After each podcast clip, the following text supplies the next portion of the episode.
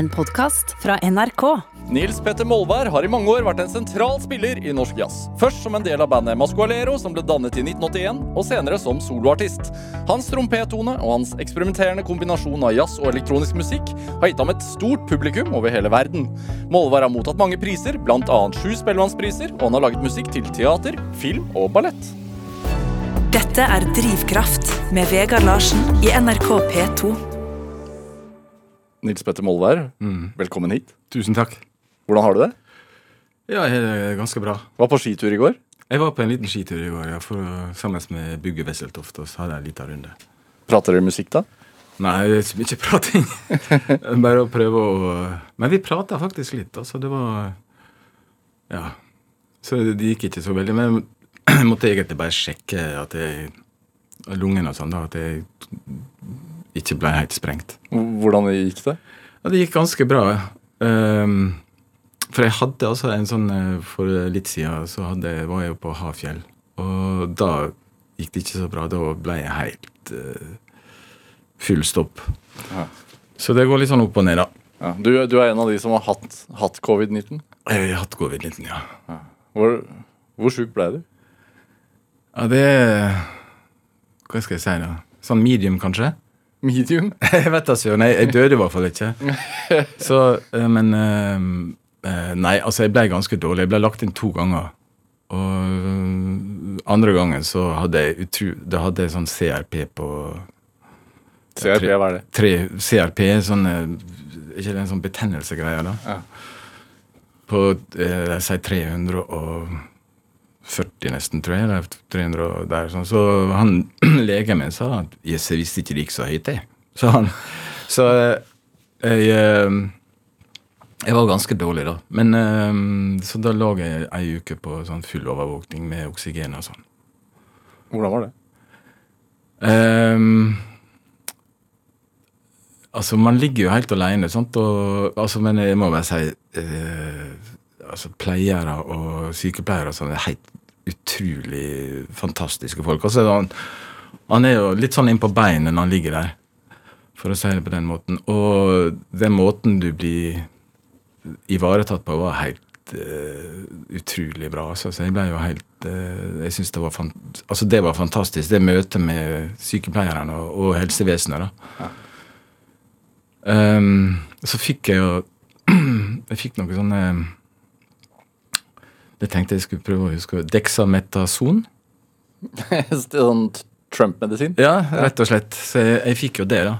Og, og så Steroider av noe slag? Steroider, ja. Så jeg fikk hver morgen og sånn. Og sikkert masse andre også, for jeg lå jo med sånne sånn blod Altså, jeg hadde sånn nål i armene og sånn, så de putta jo ting inn og sånn. Så Men det hjalp jo, da. Og øh, jeg blei jo bedre og bedre. Men når jeg kom inn, så var jeg helt pudding. Altså, jeg var pusta bare sånn Jeg var helt der. Så øh, Var du mm. Altså, du le, lever jo av lungene dine, holdt jeg på å si. Ja. Så, så eh, jeg tror nok det at jeg, det at jeg er musiker, det hjalp. Ja, fordi du hadde For, såpass jeg, for der jeg var en sånn type allerede en sånn type styrke, og, og at man er veldig bevisst på pusten sin og, og sånne ting, da. Så jeg tror det hjalp litt, da. mått, er, er det sånn at du må du måtte bruke lungene som en muskel? Altså at du, må, du måtte puste Ja, altså Det som jeg gjorde, var en, en, eh, en kollega, en venn av meg, som bor i USA, som hadde også hatt det sånn. Så det som han sa han gjorde, at han, når han fikk det, han også, da, så satte han seg opp sånn én gang hver dag, eller to ganger hver dag, og så kjørte han 20 sånne lange ut- og innpust. Bare tvinger liksom lungene til å Fylle det helt opp, liksom? ja, fylle dem opp og, og sånn for å få oksygen og sånn. Det, det tror jeg hjalp, altså, for meg, da, så jeg prøvde å gjøre det, da. Uh, og um, Men så har det gått, gått litt sånn opp og ned. Uh, så jeg skal gå og ta sånn CT av lungen nå, bare for å sjekke om det er faktisk om det er noe som er ødelagt der, da. Eller at det er arrvev eller et eller annet. Sånn, så det skal jeg gjøre neste uke, da. Er det Får man en kraftig influensa, eller får man en eller annen kjent sykdom, så, så har man jo et visst sånn begrep om liksom hva, hva, det, hva det er, hva man skal gjennom. Ja, ja, ja. Al altså, det som er, er med dette greiene her, er jo at eh, man veit ikke. Sånn for eksempel luktesans og smakssans forsvant jo fullstendig. Og så ble jeg helt totalt utslitt. Jeg lå nede på en sånn eh, Når jeg fikk det, så har jeg jo familie som jobber i helsevesenet, sånn, så med gamle folk, så jeg, jeg eh, flytta ut med en gang. Jeg fikk sånn positiv, sånn, så gikk ikke jeg inn igjen i huset engang, der jeg bor. Så jeg, jeg fikk eh, lånt, eller leid, en sånn leilighet nede, eh, nede på Grønland. En koronaleilighet? eller Ja, på en måte, ja, det var- det var sånn uten gardin og uten noen ting. Sånn, så det var sånn helt sånn Så der lå jeg da i ei uke nok sånn. Aleine. Mm. Og ble egentlig bare Og fikk ikke i meg mat. vet du, og altså Jeg var helt utslitt. Det var sånn fem meter å gå til toalettet og sånn. Jeg var helt pumpa når jeg kom tilbake. Så jeg var, jeg var nok ganske dårlig, da. Var du redd, da? Um, jeg ble litt engstelig første gangen jeg ble lagt inn, og sånn, for da våkna jeg egentlig sånn tidlig på morgenen og så følte jeg at jeg ikke fikk oksygen. Jeg fikk ikke puste ordentlig. Så da ringte jeg rett og slett til uh, legevakta, og så kom de og henta meg. Uh, men jeg var redd eh, Altså jeg, man, ble, man er jo veldig sånn i øyeblikk og sånn. Og så man, uh, altså jeg kjente at jeg, man tar på en måte bare sånne beslutninger i forhold til hvordan situasjonen er og sånn, uten å få pa helt panikk. Fordi man er såpass sjuk? Ja, det, det tror jeg. Og så tror jeg kanskje også jeg har en sånn greie at jeg, i sånne eh, At jeg i sånne ekstreme situasjoner så, så blir jeg litt sånn kald og, og rolig, kanskje. På en eller annen sånn rar måte. Um, selv om jeg ikke er noen rolig person. uh, så da hadde jeg litt uh, Da hadde jeg litt um, ja, litt sånn, ble engstelig, da. Og så ble jeg skrevet ut igjen. Og neste dag igjen, så da ble det bare verre og verre og verre. Så da for jeg opp igjen, og da ble jeg lagt inn på sånn full uh, isolasjon, da. Hvordan var det å kunne puste tilnærma normalt igjen? Eh, altså, det var jo helt uh, fantastisk når jeg eh, kom ut, da. Eh, så måtte jeg, etter jeg var ute, så måtte jeg jo også tre-fire dager i en i en eh, type koronaleilighet, da. Nede på Grünerløkka. Ehm, Men da kunne jeg på en måte gå ut. Altså, jeg, jeg, jeg kunne Jeg var ikke låst inne sånn som du er på sykehuset, da. Så jeg kunne ha opp vinduet og, og sånne ting. Og det var jo, og så dro jeg jo, når jeg var ute der, så dro jeg opp i studio. Da øvde jeg masse. altså Sånn to timer hver eneste dag. Som bare, med bare med å få flow, da. Bare med å få lufta til å gli og, og sånne ting. Så, så det var jo det var helt fantastisk når jeg, det å komme igjennom det, da. Um, og jeg, også mens jeg lå der, så kom hun der eh, Helene Sandvik skulle ha et sånn eh, program. Helene sjekker inn. Helene sjekker inn, ja. Ja. Uh, og spurte om jeg ble være med, og det var litt sånn eh, ja, Det er et eller annet med at du ligger liksom fullstendig avkledd og helt sånn pumpa uh, i, uh, i ei seng og sånn. Så, men så så jeg noe Jeg lå og så på noen sånne YouTube-videoer med Jeg orka ikke å si hvem det var engang, men noen sånne eh, som liksom bare latterliggjorde alt. Og dette med korona er bare tull, og det er sånn nei, Det er bare tull. Sånn, eh, ei sånn, dame som holdt på med det. Sånn. Så da ble jeg litt sånn Altså, jeg må på en måte prøve å så eh, være ei stemme for at det, det er ikke bare tull. Nei. For at jeg ligger midt i det. da. Så da ble jeg med på det, og det var jo i, i og for seg ok. Syns du at man Syns du at vi har tatt det seriøst nok? Altså Ja, man har jo på en måte det. Altså Det er selvfølgelig sånne Det er hele tiden en sånn balansegang. Hva skal du Altså Jeg ser jo sånn som min bransje, kulturbransjen, har jo eh, har fått eh, grisebank, for å si det mildt. Eh, og uh, Og spesielt du som har såpass mye utenlandsoppdrag Ja, det, det er jo en ting. At det, du spiller i utlandet, så får du ikke du Så jeg spurte Kulturrådet om ja, hva skal jeg gjøre? Nei, du må snakke med det landet som du har vært og skulle spille i. og sånn. Så blir det sånn, ja, skal jeg ta en liten telefon til Tyrkia og så spørre hva slags, hva slags eh, eh, ordninger de har for å sånn, så, så det er bare det har, det har jeg bare gitt opp. Så det orker ikke å Men jeg syns jo det er litt rart, da. Men hva hadde det gjort med deg hvis ikke du hadde klart å spille trompet igjen? Åh. Ja, det orker ikke jeg helt å tenke på, tror jeg. Uh, hva hadde du gjort med meg, da? Uh, nei, da måtte jeg ha vært så sjuk at jeg har blitt uh, uføretrygda, da. Vil jeg tro. At ikke jeg har fått puste ordentlig. Sånn. Jeg må ta pustemaskin. For man spiller jo med det man har. Altså, jeg, jeg kan gjøre det fordi at jeg, jeg, jeg er ikke en klassisk musiker som må nødt til å å spille det som står på notene, og sånn, så jeg kan på en måte velge litt sjøl når jeg vil spille og ikke spille. da. Så um, Altså i, i et musikkstykke, kan du si. Så, så um, Nei, hvis at jeg ikke kunne spilt igjen Det Nei, det, jeg har egentlig ikke tenkt noe særlig på det. Men jeg tror ikke, jeg tror ikke det hadde gått så bra. Tror du du har fått et annerledes sound etter, etter dette her? Ja. Du har jo akkurat vært og spilt inn et album i Tromsø. Ja, ja. Um, ja, altså, vi spilte jo en del av det albumet før, før jeg ble sjuk. Men jeg spilte også bare Gjorde om noen ting når jeg var oppe i Tromsø. Ja, jeg tror kanskje litt annerledes. Eh, litt av denne Altså Det som jeg snakka om, det med flow.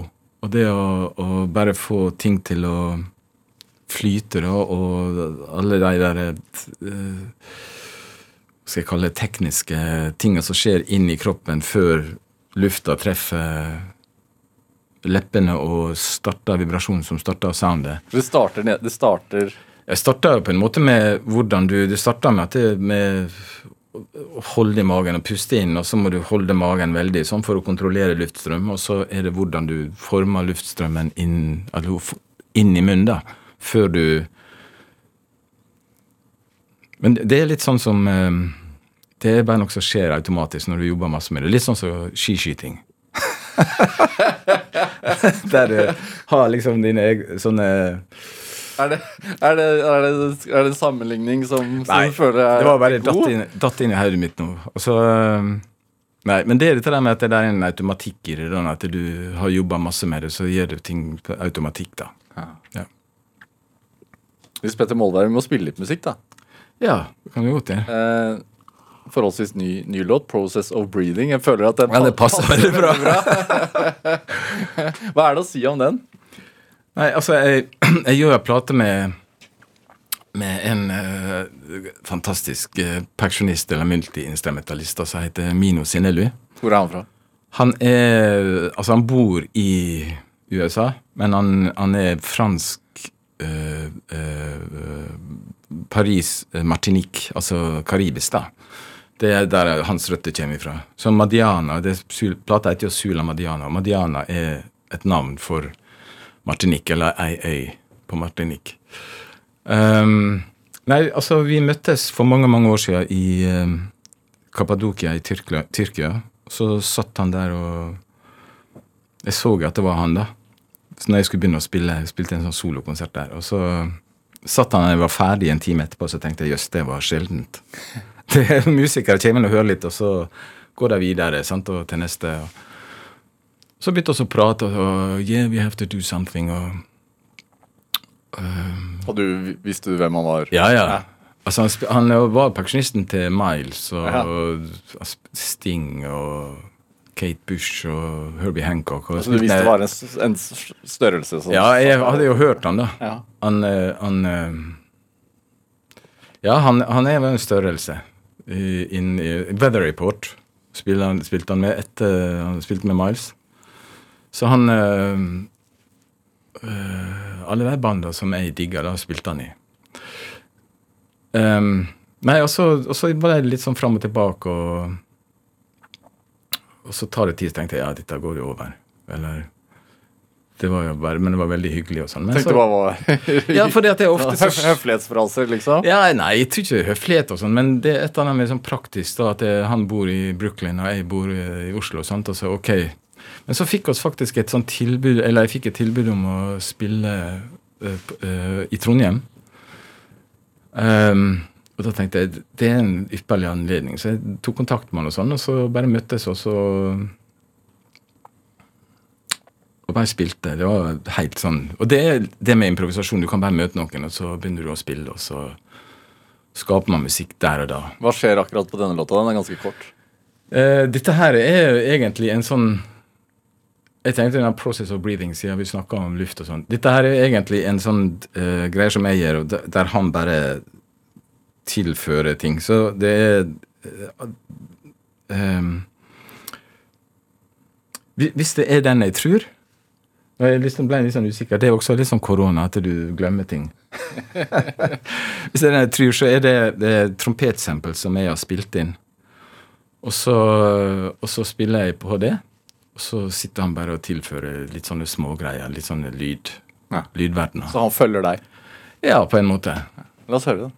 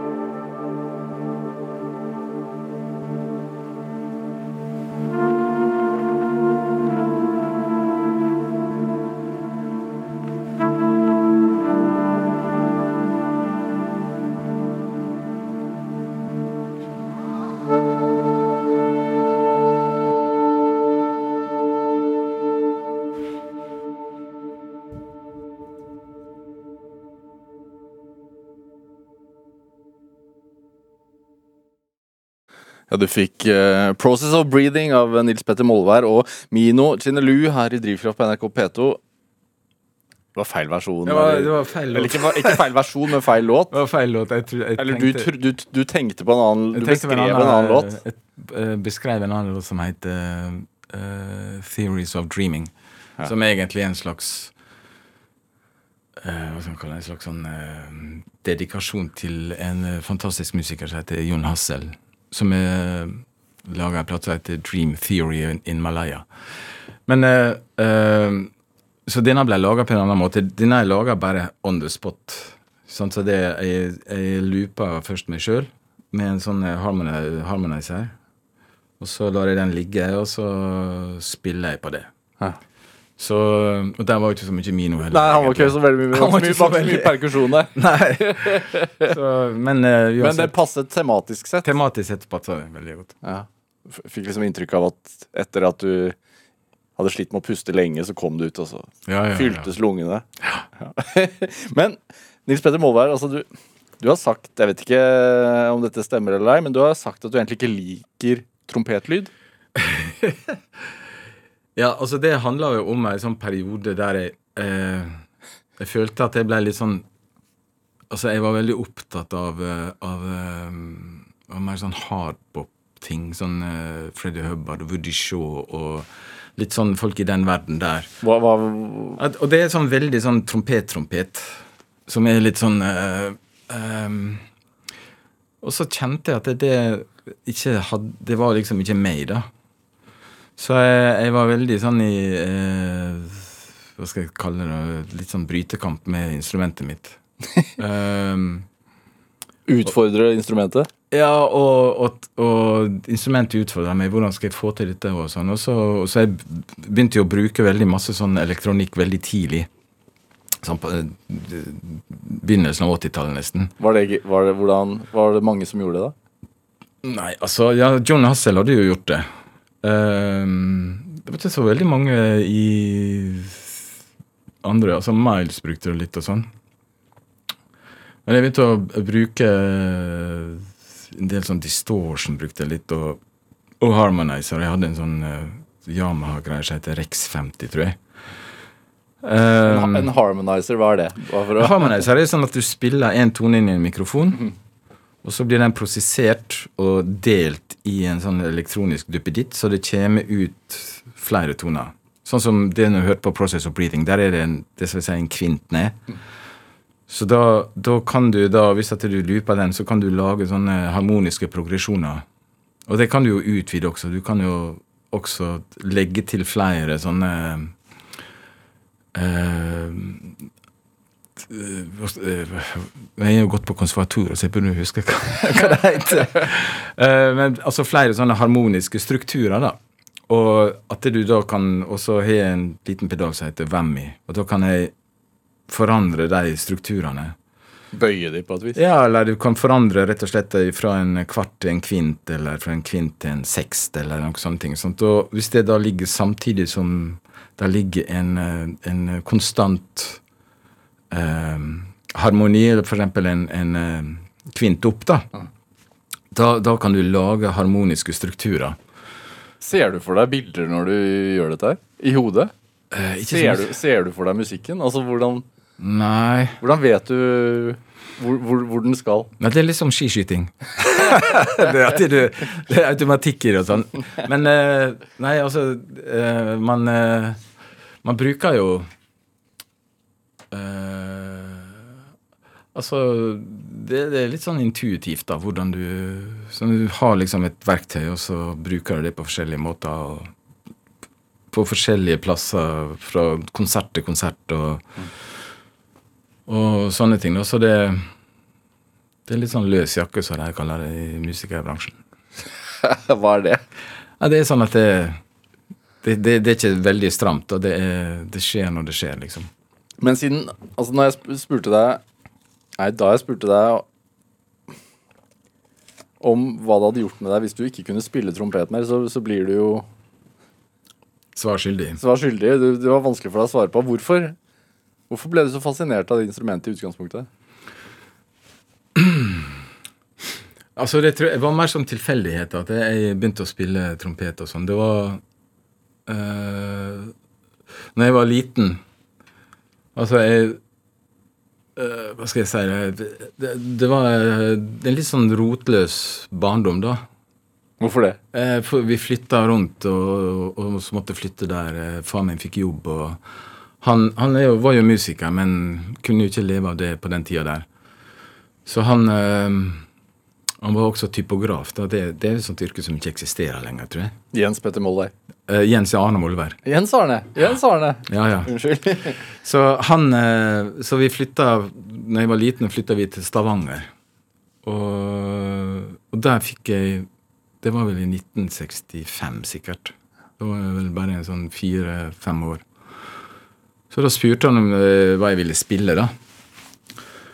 Ehm, og da sa jeg trompet, da. Og det tror jeg var fordi at jeg, når, før vi flytta, så fikk jeg en sånn sveivegrammafon. Det var en sånn skikkelig sånn eh, 30-tallsgreier.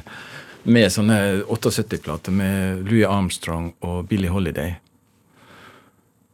Um, Som var hans. ja, som han ga til meg, da. Ja. Og jeg likte jo egentlig best den med Billie Holiday, tror jeg. For at jeg, jeg lærte å synge 'Summertime' på engelsk før jeg kunne engelsk i det hele tatt. Sånn, så jeg tror jeg hørte veldig masse på den. Men så hørte jeg også litt på Louis Armstrong, og da, da tenkte jeg så Eller ja, trompet. Og så fikk jeg en trompet. Så jeg husker faktisk vi gikk og kjøpte et sånt munnstykke i Stavanger. Um, og så begynte jeg å spille på det, sant? og lærte meg sikkert sånn 'Ja, vi elsker' og sånn. Sånne ting. Samme han? Ja, det, han jobba jo på uh, Hva heter det? Dreyer. Trykkeriet og sånn. Så, så, nei, det var mest jeg satt hjemme, tror jeg, og holdt på med det. Uh, men så flytta vi igjen til Langevågen, og der bodde oss bare et lite år. Og så flytta vi igjen til Molde. Og da men det året når jeg var i Langvåg, tror så vidt jeg kan huske, da, så fikk jeg en, eh, en trompetlærer. En som er, heter Oddbjørn Øyen. Og han eh, Han er egentlig muremester, da. Eh, men så gikk jeg litt til han, og så flytta vi vel til Molde. Og da begynte jeg i korps, husker jeg. Så begynte jeg med friidrett og holdt på. Jeg var egentlig mer opptatt av friidrett enn korps. Um, og så flytta vi tilbake til, til Langevågen. Um, og da Da var jeg mer sånn inne i sånn tungrock, så kalte det. sånn uh, Zeppelin og, og, uh, og uh, Jimmy Hendrix og Black Sabbath og Deep Purple og sånne greier. Så da spilte jeg da spilte jeg sånne rockeband der. Ikke trompet? Nei, da spilte jeg tromme, og jeg spilte bass, og jeg spilte alt mulig rart. Så, så, så selv om du har flyttet masse, så har musikken fulgt deg hele veien? Da? Ja, den er jo på en måte det, da. Ja. Og uh, i, når jeg bodde i Molde, sånn, så da var jeg bare sånn 11-12 år. Da hørte jeg Weather Report, eksempel. Og Tony Williams' Lifetime. og og litt sånn forskjellige ting som, som er sånne legendariske band i jazzsammenheng, hvis du kan si det på den måten. Og, eh, men da flytta jeg altså, altså, tilbake til Langvågen, og da holdt jeg på med det, men jeg spilte også i korps og spilte fotball, og sånn som unge ungfolk gjør. Ja, men så, når du må flytte hele tiden, så blir du jo brutt opp fra ja. venner og så, så Hvor viktig var det for deg at du hadde den musikken? da? Uh, jeg tror det var veldig viktig. Um, jeg har egentlig ikke refle eh, reflektert så veldig masse over det før at jeg ble spurt om uh, at jeg skulle sitte her og snakke en hel time om meg sjøl. um, ehm, men jeg, jeg, tror den har vært veldig, veldig viktig. Og uh, så var det en periode jeg jobba, gjorde masse rart. altså Jeg jobba på sånn livbeltfabrikk. og Jeg var også sånn murerlærling hos han eh, trompetlæreren min, da, så det hjelpte til å, å legge flis i sånne svømmebasseng og sånn. Men så kjente jeg at dette her kan ikke jeg holde på med. altså jeg må, Så jeg begynte på uh, Det blir en lang historie. til, altså jeg, jeg husker jeg lå og hørte på jazz på kvelden. Jeg hørte på jazzklubben som var på radioen. Og da hørte jeg et band som heter Lava. I slutten av 70-tallet og sånn. 77 kanskje. 6-77. Da var de veldig mye mer jazzrock. De var ikke så poppa som de er nå, da. Og en helt fantastisk trommeslager som heter Per Hillestad. Og han sa han skulle begynne på Toneheim, og så tenkte jeg ah, det må jeg gjøre. Så jeg søkte på Toneheim, så kom jeg inn, da. Og så begynte vi å spille, hadde vi et band som heter Limbandet. husker jeg. Og, um, og da fikk jeg også en helt fantastisk trompetlærer som heter Ole Egil Torp, som dessverre er død nå. Mm.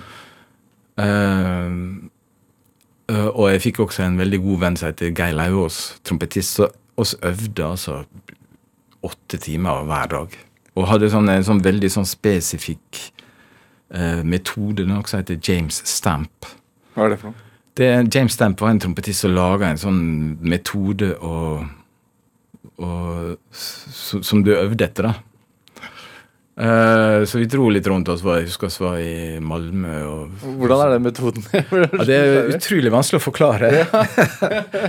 Men det handler veldig mye om jeg, altså, jeg er langt unna den nå. Ja. Altså, nå har jeg en metode som jeg ikke råder noen Hvor er du mest sliten etter sånn åtte timers øh, øvingsøkt? Det er leppene, da. Ja. Det er jo veldig sånn små Liten muskulatur og sånn, så det Kan du krampe opp? Ja, altså, det som jeg merka For å hoppe til nå, da, så at jeg spilte når jeg kom ut og sånn, så, eh, så gjorde jeg noen konserter på Vestlandet. Eh, tre Fire konserter. Sånn solokonserter. Og da merka jeg at jeg, det var akkurat som jeg fikk melkesyre i lungene. da. Det har jeg aldri opplevd før. At lungene ble stive, på en måte. Eh, så det var litt sånn slitsomt. Eh, men sånn når ikke du er, har denne koronagreiene, så er det veldig leppene folk merker det mest. Altså. Og gjerne magemuskulaturen, for du må hele tida holde støtte og sånn. Hvis du ikke hadde fått den trompeten av faren din, hadde det blitt musikk da i det hele tatt, tror du? Ja, det kan godt hende. Kanskje jeg har blitt friidrett, altså, for jeg var jo Du var habil idrettsmann. ja, jeg løp og vant masse greier og ble kretsmester og Så jeg, jeg løp for livet, som jeg pleier å si. Hva, hva mener du med det? Nei, altså Det er denne rotløsheten og denne uroa som Hvordan har den hva, hva, hvordan Altså fordi du fremstår jo for meg som en ekstremt balansert Nedpå-fyr. nedpå-fyr. Ja, jeg har lært meg det. uh, nei, altså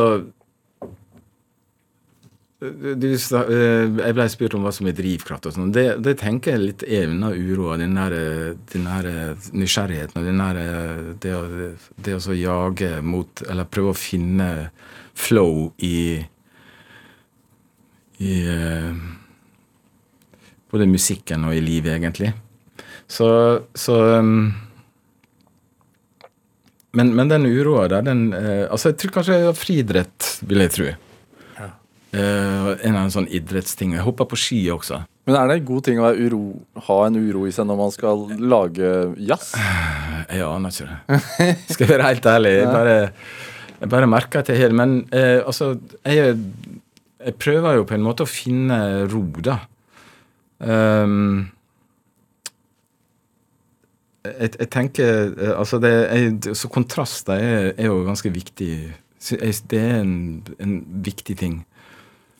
Eh, så eh, kanskje det at jeg, jeg har en uro og sånn, og at jeg prøver å finne en sånn type ro i musikken jeg spiller og sånn. At det, det er en del av de, den kontrasten, eller den, det å få kontraster til å spille sammen, og det å få, få en type interaksjon mellom kontraster, da. Er det noen ganger du føler at øh, Altså at du får en følelse av at du må spille? Altså at du er nødt til å gå og spille litt for deg selv? Ja Eh, Ja. Uh, altså, jeg, det, det å spille konserter er jo Jeg merker det nå sånn som det er nå. eh, Så, altså, I fjor så forsvant 95% av alle konsertene jeg skulle gjøre. Og vi skulle jo på en sånn reise rundt i hele verden fra august til fram til desember med jeg og Mino. Og det forsvant. Og han gjorde noen jobber, men da ble jeg sjuk. Så han måtte gjøre det solo.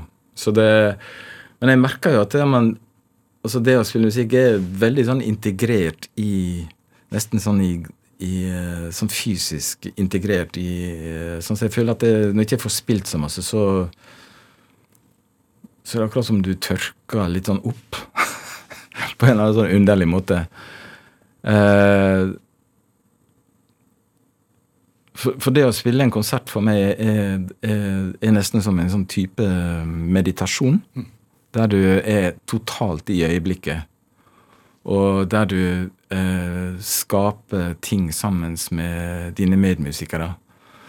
Eh, og, og lytter til dem og, og, og tilfører og gir rom. Altså det å det å gi rom til eh, mine medmusikere er utrolig viktig for meg. Og, sånt, og i, at det er hele musikk, det hele bildet som, som, som er viktig. Det er liksom ikke at jeg skal stå og rafse av gårde på en trompet, liksom. Det er ikke det som er. Det handler mer om helheten, da. At vi skaper noe sammen. Så jeg tenkte vi skulle spille eh, Kløen ja, fra, fra Khmer. Ja, den er, nesten ikke hørt på 20 år, men eh, Men, det- men det er et godt eksempel på det du snakker om, er det ikke det? Ja, det, altså det, vi snakker om sånne, litt sånne historier og sånn, og der Det var en historie jeg ble spurt om å komme og være med på festivalen til Herbie Hancock i, eh, i Tokyo. Sånn i begynnelsen av 2000-tallet en gang. Um, Det er ærefullt da å bli spurt om det. ja, det var jo helt sånn Så vi dro jo ned til Tokyo og, og sånn, og vi spilte til og med på Tokyo Stadium og sånn. Og så skulle jeg og, og Hancock sitt band ha noe Jeg husker ikke hva han kalte det, men det var en sånn uh, master meeting eller noe sånt. Så vi spilte Først spilte jeg, og så uh, Nei, først spilte Hancock, og så spilte jeg. Og så på slutten, da så kom uh, bandet til Hancock inn igjen på den siste låten som vi spilte, og sånn, og det er den låten som vi skal høre nå. Og, og, og så kom det plutselig, så kom eh, opp på scenen der, så kom eh, Buena Vista Social Club, disse pensjonistene fra Cuba, og pianist, og Og jeg sto og spilte, sånn, og så kjente jeg jøss, der står noen bak meg. Kjente jeg, da. Og så snudde jeg meg, og så sto Wayne Shorter like bak meg, og så sto Michael Brecker rett bak han igjen, som er liksom to sånne giganter i så da kjente jeg sånn Wow, dette her er spesielt, da. Og den låten varte jo i en halvtime. sant? Det bare gikk en sånn groove i en halvtime. Så det var litt sånn, det ble litt sånn houseparty i, i, på Tokyo Stadium. Får du, tar du det innover Får du frysninger da når du står der? Hvordan, eh, hvordan opplever du det? Nei, altså man, Jeg husker ikke. Jeg syns jo det var øh,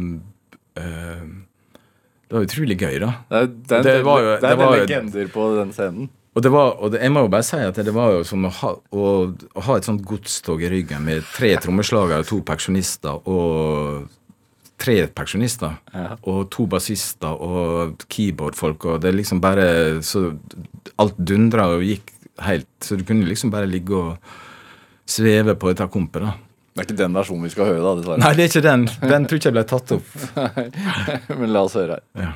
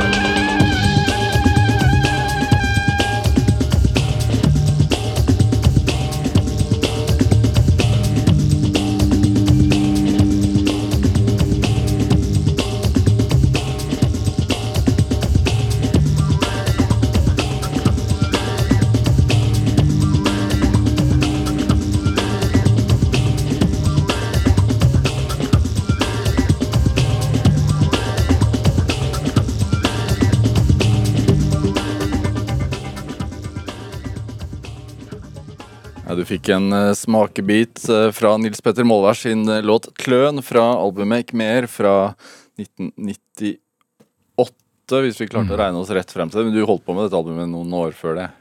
Ja, det begynte Jeg tenkte det var slutt med Mascolero, og så Første bandet ditt? Første bandet, ja. Sånn ordentlig. Og da tenkte jeg at Og så jobba jeg lenge med Sissel Endresen. Jeg spilte med masse, altså. Anne Grete Preus spilte jeg med i mange år. Og, um, så tenkte jeg måtte prøve å lage ei plate, rett og slett. Og um, da var jeg så heldig jeg hadde en venn som heter Ulf Holand. Veldig god lydtekniker. Han uh, holdt til over Rainbow Studio. Så vi kalte det bare Over the Rainbow. um, og uh, der var jeg da inn imellom Altså Jeg jobba der imellom sånne sessioner som han hadde som var betalt og sånn. Så han var utrolig viktig i, uh, i, den prosessen, da, at jeg, jeg satt der og Og jeg, satt, jeg kom på det når jeg satt og hørte den der i begynnelsen, så ligger det en sånn en sånn brrr, en sånn greier og går. Um, det er rett og slett lyden av uh, et, et, en slags sånn effektmaskin når den tømmer seg når du tømmer Når den er blitt full, altså på den tida der, ja. Så trykker jeg på en sånn knapp, og da lager den den lyden. Og så Ja, den lyden må vi ha, og sånn. så det, det, det er masse Og så er det et sånt sample da, fra en sånn italiensk diskofyr. Så Ja. Jeg har ikke hørt dette på lenge, men det låter ikke så verst, da. Nei, jeg syns det er vel verdt å høre på. Det, hvor viktig er det du, du ramser jo opp folk du har samarbeidet med. Hvor viktig er det med liksom møte med mennesker oh. når du holder på med dette? her? Altså det, det er også en, en, eh, en, av de drivkreftene. Altså det der uh, møtet, det å spille Spille, det å kunne uh, Hvis du er en improviserende musiker, kan du spille med, med hvem som helst, egentlig. Um, og og du kan eh, altså Du trenger ikke å snakke samme språk engang. Du trenger ikke å forstå Man trenger ikke å forstå hverandre verbalt. Er, er, jeg lurer på, før man har, har hatt en sånn session, da, ja. som det vel heter ja. Har forholdet til den musikeren forandret seg gjennom den sessionen? Ser man på hverandre litt annerledes etter man er ferdig? Ja, det, det kan jo slå begge veier. uh, uh, ja, altså Når det gjaldt den der, spesielt på, på, på kne, da, så, så, spurte jeg liksom de folka som jeg likte, og som jeg, som jeg ønska på en måte Soundet, det jeg ønska å ha. Og, og det, det, gjør jeg ennå. Det bandet jeg har nå, er, er helt sånn Altså, jeg spør folk om å være med fordi at det er den de er, ikke fordi at han Jeg spør ikke Jo Berger Myhre om å spille bass fordi han spiller bass, men fordi at han har en kvalitet og et sound og en sånn type uh, musikalsk nysgjerrighet som uh,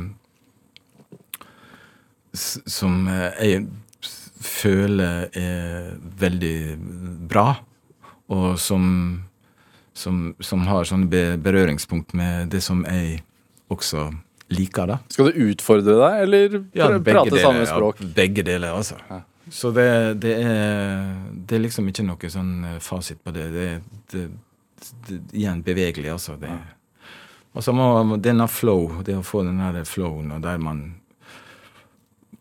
får være seg sjøl, og at det man Altså, hvis du snakker om dette med å improvisere sammen og uh, det er en sånn historie. Jeg var i, på 90-tallet så var jeg i Zambia i to måneder på et sånt prosjekt som heter South North Theater Workshop. Uh, jeg var der sammen med Kjetil Skøyen fra Norge. Så var det noen finner der, og, og, masse afrikanske dansere og skuespillere og musikere fra alle disse frontlinjestatene fra Tanzania og helt rundt ned til Namibia, egentlig. Um, og det var en kveld Det var noen fantastiske trommeslagere fra Bagamoyo i uh, Tanzania. Og da satt oss en kveld og hadde sånn, det var sånn bonfire på kvelden og sånn, og spilte. Jeg hadde en sånn liten pockettrompet på meg. Og, så, og så plutselig så fikk jeg en sånn utrolig bra sånn eh, kommunikasjon eller sånn interaksjon med en av disse trommeslagerne fra Tanzania. Så vi bare satt og spilte og holdt på lenge, lenge. Og så um, etterpå så bare så vi på hverandre og smilte. sant? Og så har det liksom vært utrolig nært. Men han snakka bare swahili. Og jeg snakka engelsk. og Hvordan hadde dere vært nært, da? ja, det, det er en veldig sånn eh, subtil ting. Altså, vi hadde skapt dette nå veldig ålreit sammen. Eh, og dagen etterpå da, så banka det på døra der vi bodde, og sånn, og jeg bodde på en sånn farm. da. Vi kunne dusje en gang i uka i kalde vann. Og så står han der. Og da han har lært av noe, han har lært seg noe engelsk, så han You, me, walk, bush. Så jeg kledde jo på meg, og så eh, gikk oss en tur i bushen på morgenen der i Zambia. Uten å kunne snakke sammen. Men det var ikke ubehagelig i det hele tatt. Det var, og jeg liksom sa sånn eh, Me, og så gjorde jeg sånn slange bevegelse med hendene og sånn, og, og så gjorde jeg sånn! Da sa han no, no, no, no, no, så begynte han å trampe. da. Så, viser så lærte jeg jo det at hvis at du er redd for slanger, så skal du bare trampe. Ja. Da, de kjenner vibrasjoner og forsvinner og sånn. Så, så det var et sånt eksempel på, på øh, Dere skjønte at dere likte hverandre Ja, vi vi gjennom Ja, gjennom, vi skapte noe sammen som, øh, som øh, var veldig fint. Akkurat hvordan det var, og hvordan det låter, det husker jeg ikke i det hele tatt. Men jeg bare husker den følelsen og, og det Det at man kan gjøre en sånn ting. Og, så det, det er en kommunikasjonsform som er som er, som er veldig fin, da. Er det? jeg. Er det sånn åndelighet? Det kan du godt si. Uh, åndelighet, altså. Det har jeg aldri egentlig tenkt på. Sånn. Men ja, det er klart ånd og, og sjel og Det handler også litt om, om åpenhet, og det handler om, om eh, et ønske om å gi hverandre rom, og det ønsker om, om å gi rom til kontraster. Jeg tenker sånn også sånn Nesten sånn eh, mellommenneskelig også, at det er en veldig viktig ting. Og med kontraster, at det, det kommer folk fra andre kulturer, og gir rom til de kulturene, så lenge ikke de er forferdelig destruktive. da. Og på en måte respektere dem, og prøve å finne sånne måter å kommunisere på og skape ting sammen eh, i samfunnet. Så eh, ja. Det, om det er åndelig det, det er sikkert noen vil kalle det åndelig. Jeg bare tenker sånn, Musikk er jo, Ja. er jo like gammelt som, som, som menneske, holdt jeg på å si. Og det, Ja, ja, og improvisasjon også, tror jeg. Jeg tror ikke det oppsto i Amerika. Det tror jeg oppsto for det var 10 000 år siden. er det Du har vært i Tibet og spilt også, når vi først, nei, først Ja, ja. ordet åndelighet. Ja, det var, det var litt av en opplevelse. Det var sånn uh... Ble du invitert av Dalai Lama? eller? Det var ikke han personlig som inviterte meg, tror jeg. Men eh, det var, jeg ble invitert av en, en organisasjon. Eh, så vi dro opp dit, og så, så spilte jeg så spilte, Det var sånn teachings, som det heter. Det var enorme mengder med, med, med buddhister som, som kom dit. da. Altså buddhistmunker. Eh, så vi spilte da i, inne i, på en sånn plass inne der Dalai Lama bor. Um, det med, det med var sånn, eh, Da spilte jeg også en, eh, en sånn, Først spilte jeg noe med Kjetil Bjørnstad. Han var også der. Og så øh, spilte jeg med en øh, fantastisk indisk pensjonist som heter Sakir Hussein. Og det med var bare en sånn improvisasjon. Og det kan jeg si, altså han, han er jo en, altså Han er helt utrolig musiker. Sant? Han, men jeg merka når jeg spilte med han og sånn, jeg liksom var litt sånn at jeg prøvde å bevege meg litt inn i det indiske eh, greiene og sånn. Så han han, han, eh, han eh, spilte slik at for at jeg skulle låte bra. Skjønner du? Ja, Han skjønte hva du drev med. Ja, ja, han, altså han, og etter det har vi også vært venner. Jeg var her nå, det er jo For tre-fire år siden så spilte han på åpninga av Melafestivalen. Så da gikk jeg for å hilse på han og sånn, og, og det er jo gått 25 år. Eller 20, ja, 20-25 etter han. Og eh, da var det sånn! Og da var det liksom full På den tida at vi kunne klemme hverandre.